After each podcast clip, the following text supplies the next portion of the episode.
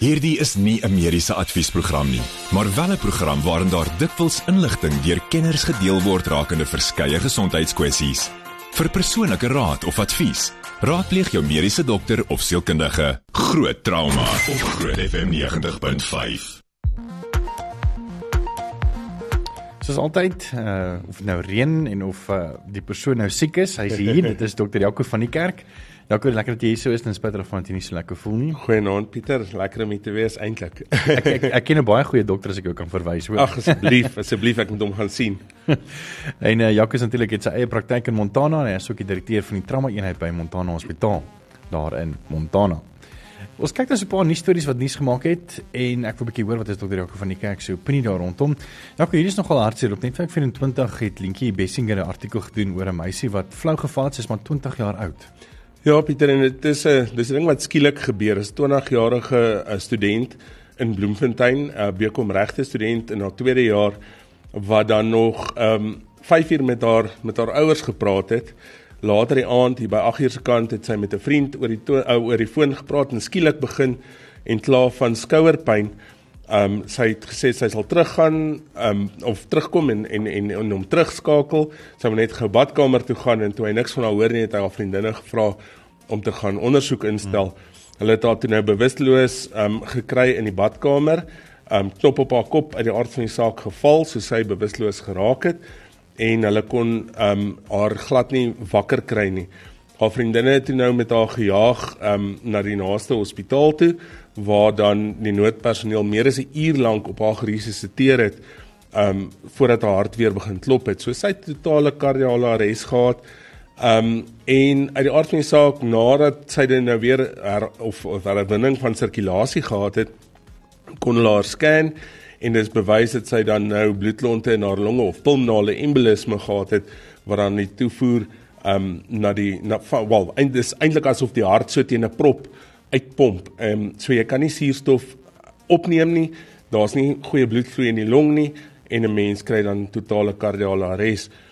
Ek dink dis een van die die algemeenste oorsake van dood in in vroue wat en, en een van die algemeenste oorsake van dood en skielike dood um, en kardiale dood by veral vroue. Um, mense het 'n paar risikofaktore. Een daarvan is uit die aard van die saak rook, twee daarvan is um hormone en baie mense dink hormoonterapie is net vir mense wat in die menopouse jare is, maar die pil uit die aard van die saak, veral die hoë dosis pille, ek praat nie van die lae dosis pille nie, het 'n verhoogde risiko. Um vorige chirurgie of as jy besering gehad het. Ek weet toe ek in my 6de jaar was, is een van ons klasmaats oorlede um as gevolg van 'n pulmonale embolus of 'n bloedklont in die long um na 'n knieartroskopie. Um so dis eintlik 'n relatiewe klein operasietjie. So daar's 'n paar redes hoekom 'n mens stol. Een daarvan is uit die aard van die saak abnormale bloed uh, struktuur, met ander woorde die plaatjies wat ooraktief raak of die vatwand, bloedvatwand wat abnormaal is of stase waar daar net vir erg vertraagde vloei is in bloedvloei um en en en dit dan tot stolsels lei wat dan nou pulmonale embolisme maak. Nou, die sterftesyfer van pulmonale embolisme is baie baie hoog. En ehm um, ek dink die die die groot ding is om dit te probeer voorkom, te probeer kyk het jy risikofaktore, maar die aard van die saak is dit gebeur is dit 'n is dit 'n groot krisis en dis een van die goed wat ons almal in ongevalle is baie bang voor is want mense kans om iemand te resusciteer wat op groot pulmonale embolis het is baie baie laag. Ehm um, dis hartseer om te om te om te lees dat dan uit die aard van die saak het sy skade opgedoen as gevolg van die toevoer wat uh, van suurstof wat ook na die brein toe afgesny is uit die aard van die saak sy hart gaan staan en daar is skade aan haar breinstam. So sedertdien het sy nog nie bewussyn verloor nie. Ag herwin nie, maar ehm um, die uh, ouers bid en glo nog steeds dat dat dat sy sal herstel. Sy het 'n boetie wat in Grey College is, 'n uh, 18 jarige uh, boetie wat dan uit die aard van die saak ook nogal redelik getraumatiseerd is hmm. deur hierdie hele storie. En dis hierdie goed wat so skielik gebeur. Jy jy, jy besef dit nie en dit wys ons net hoe vinnig die lewe kan verander, né, hmm. van minuut tot minuut. En sy was maar 20 jaar oud, maar haar hele lewe was nog voor haar. Dis ongelooflik. Is dit normaal vir 'n 20-jarige om byvoorbeeld 'n bloedklonte te kry en veral in die longe? dit is dis nie so algemeen as wat as wat ehm um, mense baie keer dink nie, maar ons sien dit en baie keer het hierdie persone ook 'n aangebore abnormaliteit of 'n aangebore defek van van bloedstolling. Daar's verskillende sindrome wat mense kry wat verhoogde bloedstolling ehm um, tot gevolg het wat dan veral dan nou in jong meisies wat dan begin met kontrasepsiemiddels ensovoorts ehm um, wat dan net hulle risiko verder verhoog. Maar baie keer is daar 'n onderliggende genetiese abnor bloedabnormaliteit wat dan maak dat hulle hierdie pulmonale embolisme kry. En dit kan spontaan ook gebeur. Dit hoef nie iets te wees wat iemand spesifiek verkeerd doen nie. Dit kan ja. net doeteenvoudig spontaan gebeur. Sjoe, dis baie hartseer. En um, net hier daar bly skakel ons gaan 'n bietjie so 'n bietjie goeie nuus lyk like vir my. Daar is 'n hele paar nuwe private hospitale wat uh, se deure gaan oopmaak en uh, wat opgradeer gaan word. En dan so 'n bietjie later 'n interessante artikel wat Jaco vir my uitgewys het oor 'n musiekonderwyser en korafrigter wat nou letterlik gehelp het om 'n bietjie meer te verstaan oor asemhaling. So Jaco gaan vir ons 'n bietjie meer vertel daaroor. Dan aan die einde van die program onthou as jy enige mediese vrae het, asseblief vra vir ons op 061 610 4576 en onthou standaard tariewe geld en ons wil graag van jou en bietjie later in die program gaan dokter Jaco van die kerk kyk of hy daai vrae vir jou kan antwoord. Groot trauma op Groot FM 90.5. kyk nou so 'n paar nuus stories wat nuus gemaak het en ons hoor 'n bietjie wat as dokter Jaco van die kerk se opinie daar rondom. Net 'n WhatsApp boodskap wat deurgekom het ehm um, van net gevra deur wie is hierdie? Dit is van Anna Maria van sy sê ek het self 'n knie Uh, miskien moet jy lees ook hierdie groot woorde. Ja, sy uh, Annelie sê sy het self 'n knieartroskopie gehad en 'n week later het sy veelvuldige pulmonale embolie gekry. Sy is in ICU opgeneem, op Hoofrin gesit, 6 maande op Hoofrin gewees, nooit het haar ENR gestabiliseer nie en sy is nou 10 jaar later nog steeds op Xarelto. Nou, dis 'n dis 'n groot ding. Aan die een een kant ek dink die knieartroskopie is is is die eerste ding wat mense moet noem. Um alle chirurgie het 'n verhoogde risiko dat 'n mens bloedklonte kan kry en dan veral in die long, maar dit is 'n gegeewe feit dat um ortopediese operasies 'n hoër risiko het. So baie keer sal mense ook nou sien as 'n mens dan 'n ortopediese operasie gehad het dat die ortopeed vir jou antistolmiddel voorskryf vir ten minste die eerste maand nadat um jy op die operasietafel was. Die tweede ding is hy's baie gelukkig om in ICU opgeneem te word van 'n groot persentasie van mense met veelvuldige embolie um oorleef nie tot hulle by die hospitaal kom nie. Sure. En dis 'n ongelooflike groot probleem um in terme van longskade, in terme van van van hartskade wat 'n mens kan opdoen. die ENR wat hulle van praat is as 'n mens op Hoofrin is, dan vergelyk ENR staan vir International Normalized Ratio So ons gaan kyk wat is die gemiddelde tyd wat 'n gewone mens se bloed sal vat om te stol. En as 'n mens op warfarin is, dan wil jy jou bloed moet so 2 tot 3 keer langer vat as die standaard ou om te stol. So waar my en jou ENR telling sal 1 wees, sal 'n ander persoon sin wat op warfarin is so tussen 2, 2.5 en 3 moet wees. Hmm. Um warfarin is 'n baie moeilike middel en en baie van die ouer antistolmiddels soos warfarin is baie moeilik want selfs jou dieet het 'n groot effek daarop. Um goed soos groen groentes, ontrent enige ander medisyne kan maak dat jou jou ENR heen en weer beweeg wat dan ook maak dat jy of 'n bloedingsrisiko het wat jy spontaan aan die bloei kan gaan of jy kan weer stol as jou ENR te laag raak. En gelukkig het ons dan nou nuwe middels soos die Xarelto wat dan um beter werk dink ek aan die een kant maar aan die ander kant is dit teen 'n prys want dit is nogal 'n duur middel um, om te gebruik en om so lank op so 'n duur middel te wees is nogal 'n challenge maar dit is dis die lewe nê en dit ja. is jou lewe werd. Ons kyk dan nog so twee ehm um, nuus stories wat nuus gemaak het. Uh, Jaco, dit lyk vir my daar's nou weer 'n nuwe hospitaal wat ehm um, begin gebou word in uh, George en dan kan jy ook 'n bietjie vertel oor Tygerberg Hospitaal wat nou 'n mega projek gaan wees. Ja, ehm um, dis vir my goeie nuus om dit te sien want daar die artikel is in Soy is gespit vir nuwe private hospitaal in George. Nou is die Medikliniek groep wat ehm um, Medikliniek George begin ehm um, en die die die begin van die bouwerk is nou aan die gang. Hulle sê so 2 2 en 'n half jaar wat dit gaan vat om klaar te maak en dis 'n droom wat werklik werklikheid geword het.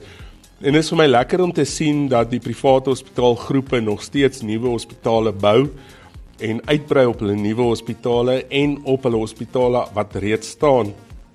En die groot ding is Ek dink ons almal is bekommerd oor nasionale gesondheid en en die staat wat druk om nasionale gesondheid daar te stel, maar dit is vir my regtig waar lekker om te sien dat hulle wel nog steeds um bydra en dis dis dis Medikliniek International wat dan nou um basies belê in hierdie nuwe hospitaal um wat dan regtig waar hulle sê 'n geskatte 3 miljoen bakstene sal vat.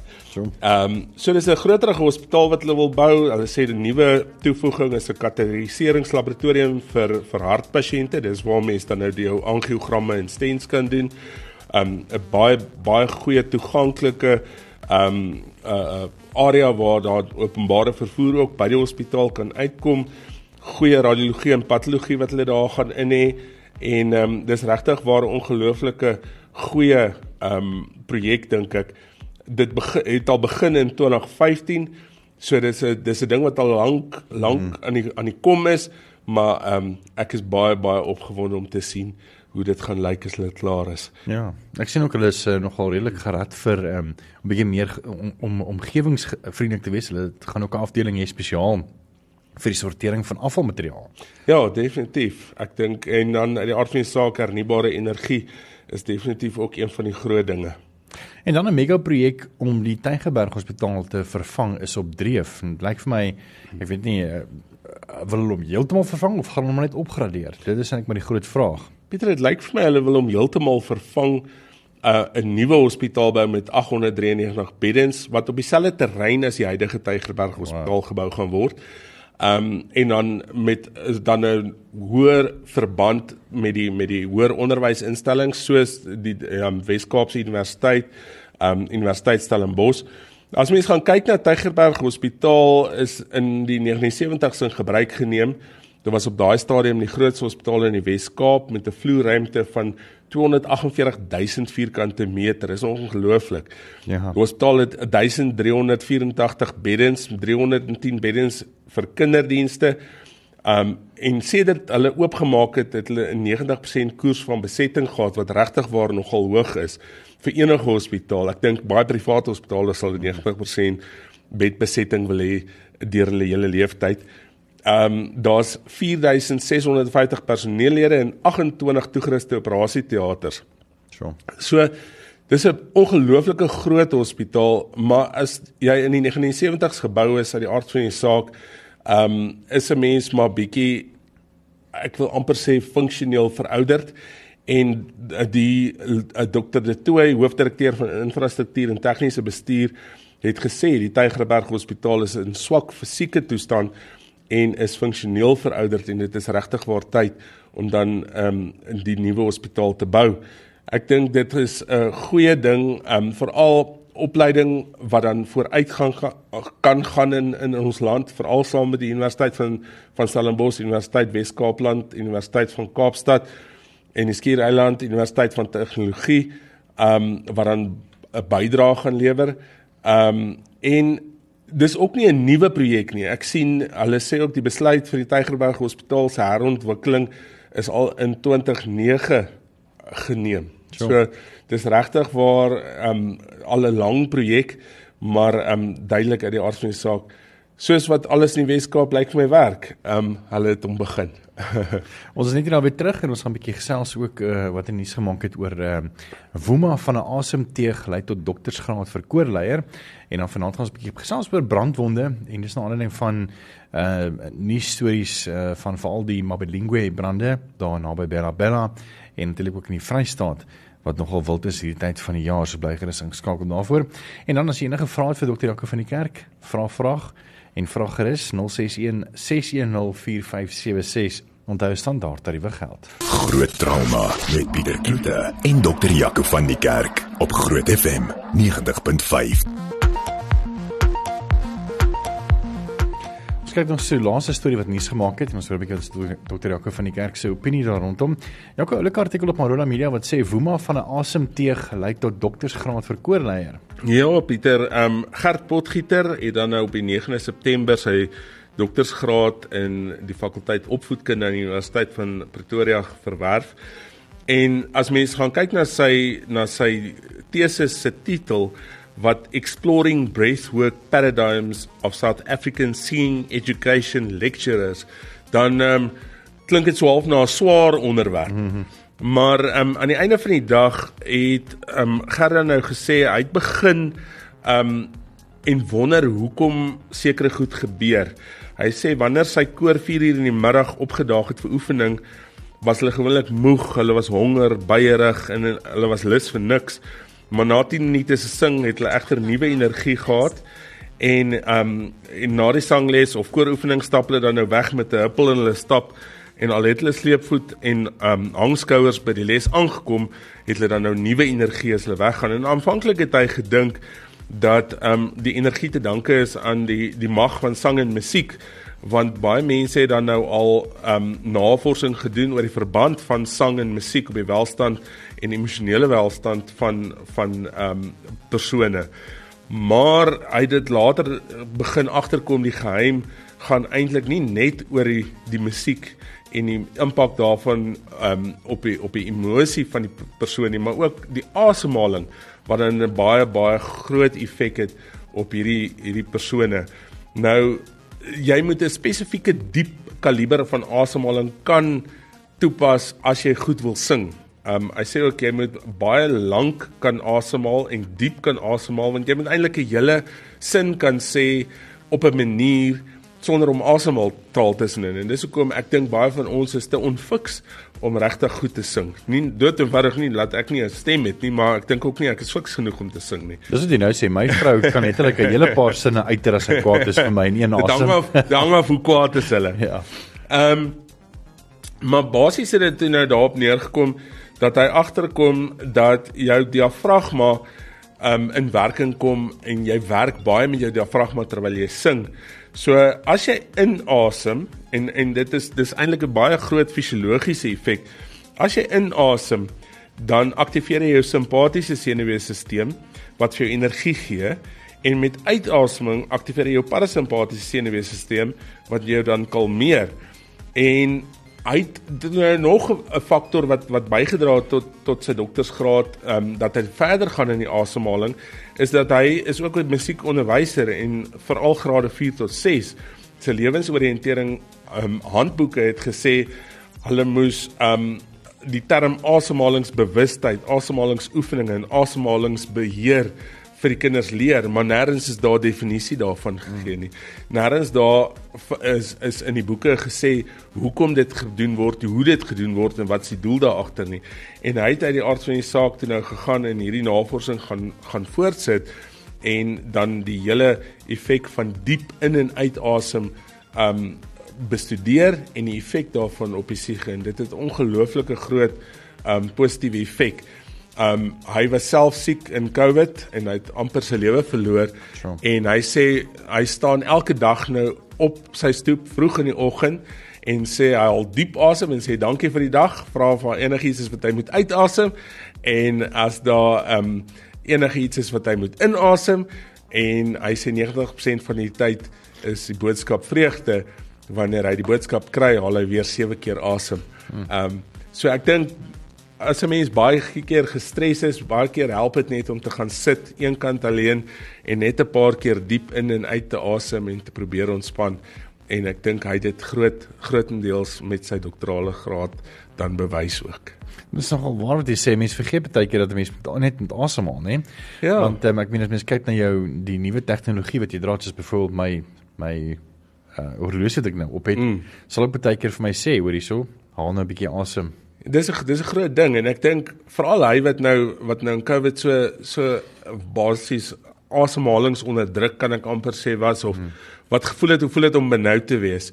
Ek dink mense moet elke dag sê dankie dat mense kan asemhaal en en dis eintlik 'n een van die min gratis goed daar buite hmm. wat 'n mens se emosie positief kan kan beïnvloed. Ja, toe net sal ons 'n bietjie oor brandwonde en hoe benader jy dit. Met die volgende program bo Groot FM 90.5 om jou as luisteraar met die nodige inligting oor 'n spesifieke onderwerp te voorsien. Alhoewel hierdie inligting dikwels deur 'n kenner op die gebied gedeel word, word jy aangemoedig om jou mediese dokter of sielkundige te besoek vir persoonlike advies of raad. Groot trauma met Pieter Kloete en dokter Jaco van die Kerk op Groot FM 90.5.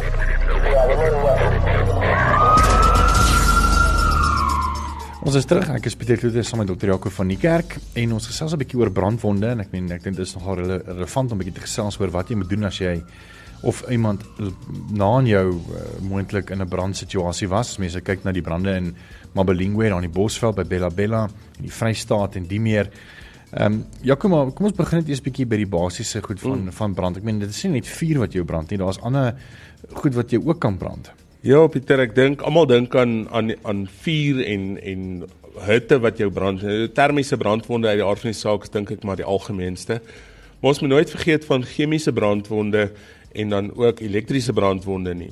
Jou elektriese brandwonde is eintlik 'n baie slegte ding want baie keer sal jy byvoorbeeld um skok en jy het 'n elektriese brandwond en die oppervlak besering is eintlik baie klein daar waar die brandwond of waar jy gebrand het maar binne in jou jou spiere, jou jou strukture, jou senuwees, jou arteries, jou venas kry baie seer. Um baie keer ook jou hart se senuweestelsel wat dan nou en en sirkulasiestelsel wat dan ook bes, beskadig word met hierdie elektriese brandwonde. So baie keer dit wat jy buite sien met 'n elektriese brandwond is nie so erg as wat binne in jou gebeur nie. En ek ja. dink baie mense um vat dit as van selfsprekend dis nou maar net 'n ou klein brandwondjie, maar ek dink baie mense um sal geskok wees as hulle sien as ons bloed trek byvoorbeeld vir myoglobien wat 'n spierensiem is wat vir ons 'n indikasie gee van spierbesering hoe hoog daai vlakke gaan selfs net na 'n klein simpel ou elektriese brandwondjie. Hoe jou EKG of jou hartritme kan abnormaal raak as gevolg van 'n elektriese brandwond. Chemiese brandwonde aan die ander kant um is is is baie belangrik ook want jy kom met hierdie chemiese stof in aanraking en almal dink die sure brand die meeste, maar eintlik is dit jou alkalisiese produkte wat meer brand as suur. En baie keer is dit in 'n stof of poeiervorm. Ons het onlangs by die hospitaal waar ek werk, um 'n 'n slegte chemiese brandwond gehad. Die persoon is oorlede éventueel in 'n brandwond eenheid in 'n in 'n vlak 1 trauma eenheid um in in Gauteng. En um die groot ding daar is die oomblik wat jy dan hierdie chemiese brandwond opdoen en jy spoel nie hierdie persoon dadelik af of kry hom dadelik uit die omgewing uit en dekontamineer hom heeltemal nie. En dekontamineer beteken baie keer dat jy vir 'n halfuur na 'n uur hom letterlik afspuit. Dan sal daai chemiese stof aanhou brand en aanhou brand al dink jy hy is um nou weg van die omgewing af. Die oomblik wat daar nog 'n druppeltjie van daai chemiese stof op hom is, sal hy nog steeds brand. En dis dis baie belangrik. Waar jou jou vure nou in aanraak of van mense met vuur in aanraking kom, is daar rook en as jy rook inasem, is daai die aard van die saak die risiko vir inhalasiebrandwonde.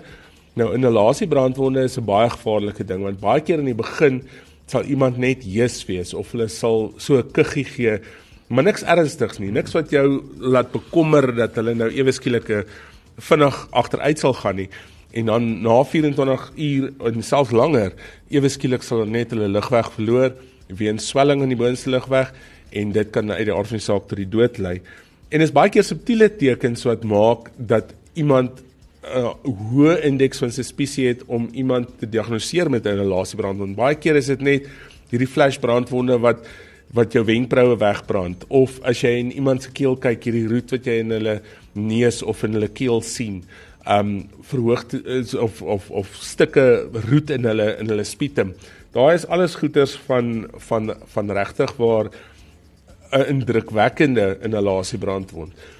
Ons vergeet baie keer van koolstofmonoksied um koolstofmonoksied uit die aard van die saak een van die byprodukte van verbranding en koolstofmonoksied het 'n baie baie hoë affiniteit vir rooi selle. So hy bind baie makliker aan 'n rooi bloedsel as suurstof. En ons het net rooi bloedselle om ons suurstof te te vervoer. Maar as mens gaan kyk na na ehm um, koolstofmonoksied dan gaan jy sien dat dit omtrent 240 keer meer affiniteit vir kos vir binding aan aan aan 'n aan 'n rooi sel as wat suurstof het. Hm. So as jy uh, koolstofmonoksied vergiftiging het, moet jy omtrent 4 ure teen 100% suurstof iemand behandel om daai koolstofmonoksied te laat ontbind. En dis nogal 'n nogal 'n moeilike ding soms Ehm um, want dit hang af van die vlak van koolstofmonoksied vergiftiging. So as jy omtrent hier by 20% ehm um, koolstofmonoksied vergiftiging het, so met ander woorde 20% van jou bloed word deur koolstofmonoksied gebind, jou rooi selle, dan gaan jy waarskynlik geen um, simptome nie en almal gaan dink nee, jy's alright. Jy gaan jy gaan dit maak. Maar hier teen 60% is jy dood. Um, hier teen 40 teen 40% sê jy mekaar en jy kry konvulsies. So daar's ook nie groot groot um, spasie vir foute daar nie en 'n mens moet regtig waar vooruitdink en half antisipeer dat iemand definitief um, ook koolstofmonoksiedvergiftiging daarmee saam kan hê. So net gou vinnig uh, net hier na gaan 'n bietjie gesels oor wat doen jy as jy byvoorbeeld nou sê maar 'n bietjie met iemand op 'n plaas gaan kuier en hulle grasbrande en jy gaan help nou weet om die gras te gaan doodslaan en die meer en jy kry dan van hierdie hierdie rook in. Uh en uh, ek gaan sommer so 'n eie storie van myself ook met jou deel so 'n bietjie later. En uh onthou as enige vrae vir dokter Jaco 061 6104576 onthou staan daar dat jy geld maar nou is tyd vir jou mediese minuut. Ja ons praat oor brandwonde en almal ehm um, weet dat meeste van die brandwonde wat 'n mens nou kry wat nou nie hier oppervlakkige brandwonde is wat net so sonbrand is nie, maar waar daar blase is, dan is die ou mense se se mite eintlik om daai blase oop te maak. En want die blaas moet oop, die vog moet reineer en dan moet hy mos nou droog word. En dis eintlik een van die groot goed wat 'n mens nie moet doen nie, want jy twee van jou groot komplikasies van brandwonde is vogverlies aan die een kant en 'n infeksie of sepsis aan die ander kant. En die oomblik wat jy daai blaas oopmaak, dan breek jy eintlik die die velbarrier of die beskermingsbarrier van jou van jou liggaam af en jy maak jou risiko vir infeksie ongelooflik hoog.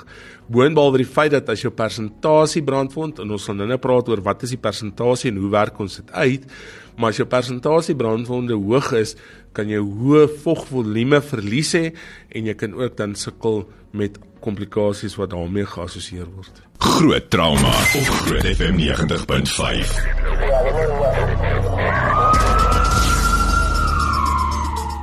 Welkom terug. Um, ons sluit af met ons brandwond insetsel en ehm um, ek wil sommer so 'n storie vertel en hoor wat wat Jaco te sê daarmee. Ek meen van val nou met die brand uh, die veldbrande so in Bella Bella by Mabelungwe en dan in die Vrystaat. Ehm um, my pa het op 'n plaas uh, was 'n plaasbestuurder dan uh, naby Groblersdorp of tussen Middelburg en Groblersdorp daar op 'n plaas en daar was ook 'n brand. En uh ek was nog 'n tiener, so ek het 'n bietjie gaan help uh slaan en bietjie spuit en sulke goeders. En uh dinge het so wild geraak en, en omdat dit in so 'n vallei was het die en dit was weet in die aand het die het die rook net maar weet in die vallei gaan lê. En uh daar het vir die eerste keer ervaar van weet uh, hoe dit voel as mense begin van hierdie uh rook en aseming kry, weet ek was naar. Ek het um gedihidreer gevoel as ek reg kan onthou. So dis eintlik gevaarlik ten spyte daarvan dat jy nie in gevaar is met die vuur self nie, is jy eintlik in gevaar met dit wat jy inrook, weet nie, Jaco. Dis ongelooflik um hoe gevaarlik dit is hierdie rookinhalasie.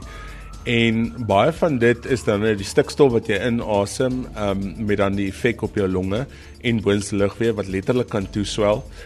Um die tweede ding is as ek het nou nog gesê koolstofmonoksied vergiftiging en dit dis CO2 is koolstofdioksied dis wat ons uitasem koolstofmonoksied is net CO en dis hoekom dit so 'n uh, erge erge verhoogde affiniteit het vir die vir die rooi bloedsel nou ek het hier 'n statistiek wat sê as jy 20% of minder het dan het jy geen simptome nie. Met ander woorde, die oomblik wat jy begin naar voel en sleg voel daarvan is meer as 20% van jou rooi selle eintlik nie effektief meer aan die werk nie. Sure. Dis die belangrike ding.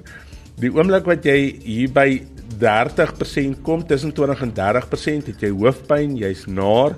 Tussen 30 en 40% raak jy de mekaar en dan begin jy half abnormaal optree en jy kom nie meer agter jy is eintlik nou besig om al hoe slegter en slegter te gaan nie. So. Tussen 40 en 60% as jy komateus en 60% en op is jy dood.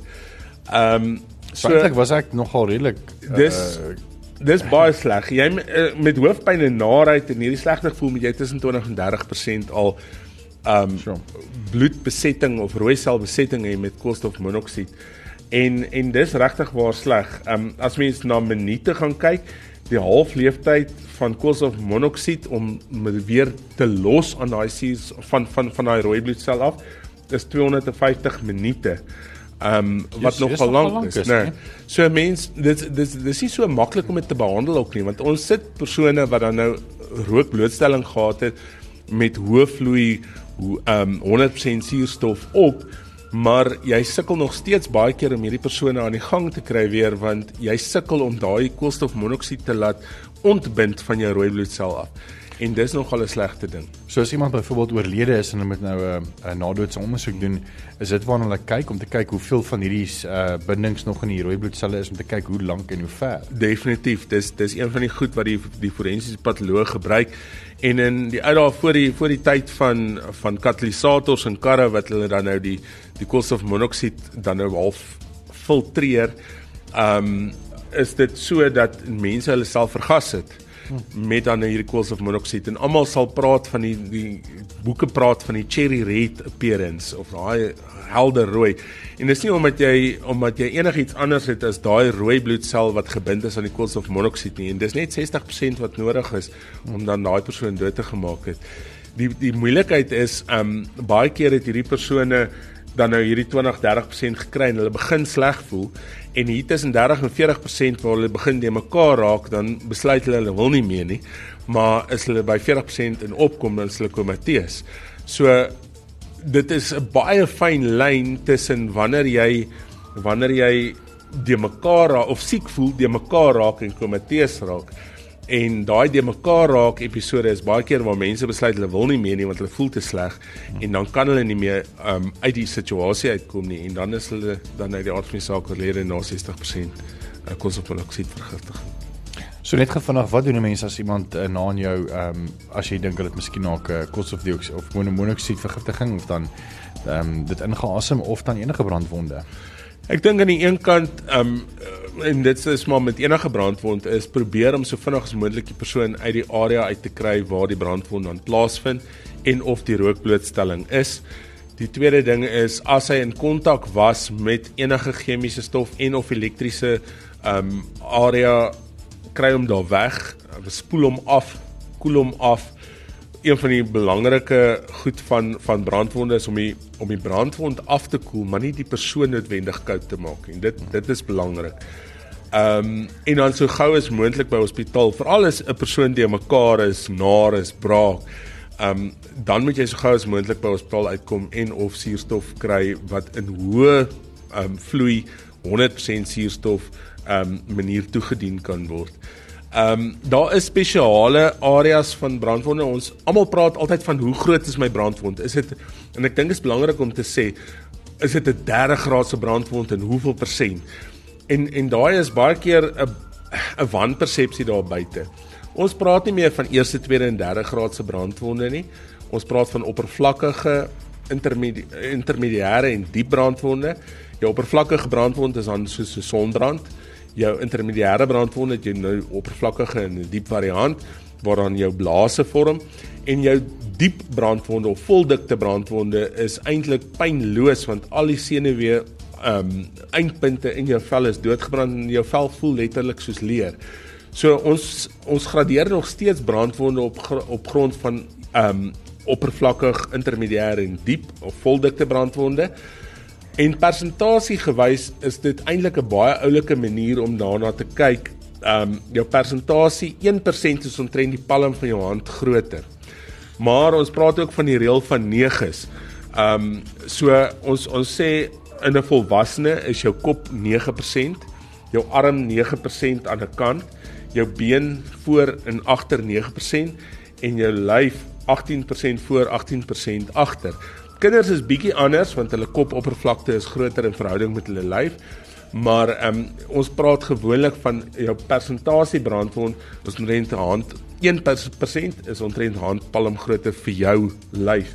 Nou as jy 10% of hoër 10 handpalms of meer op jou lyf het, dan um, is dit ook 'n goeie goeie indikasie om 'n brandwond eenheid te besoek want jy gaan waarskynlik opgeneem word omdat 'n mens dan nou jou vogstatus en jou infeksie risiko moet beheer. Daar spesiale areas uit die aard van die saak in die gesig want mense kan lugwegprobleme kry. Alle um, in die perineum met ander woorde al om die bekken, jou geslagsareas, jou boude areas Ehm um, al die fleksie oppervlaktes daar waar jou vel buig en en beweeg is baie baie belangrik. Ehm um, hande en voete is spesiale areas wat 'n mens baie baie vinnig by ehm um, goeie hulp moet uitkom. En dan uh, iemand sê hierso, ek het in 'n pot kookwater vasgehardloop en staan dit 5 baie baie seer. My ma het kondensmelk op oorgegooi en ek het lelike rowe gehad. Dankie Vader, geen netsels nie, maar daai area is nou nog met erge koue, soms sensitiewe aanraking, ligte brand gevoel op plekkies. Nee, definitief. Ehm um, en dank Vader vir geen letsels nie, né? Ja.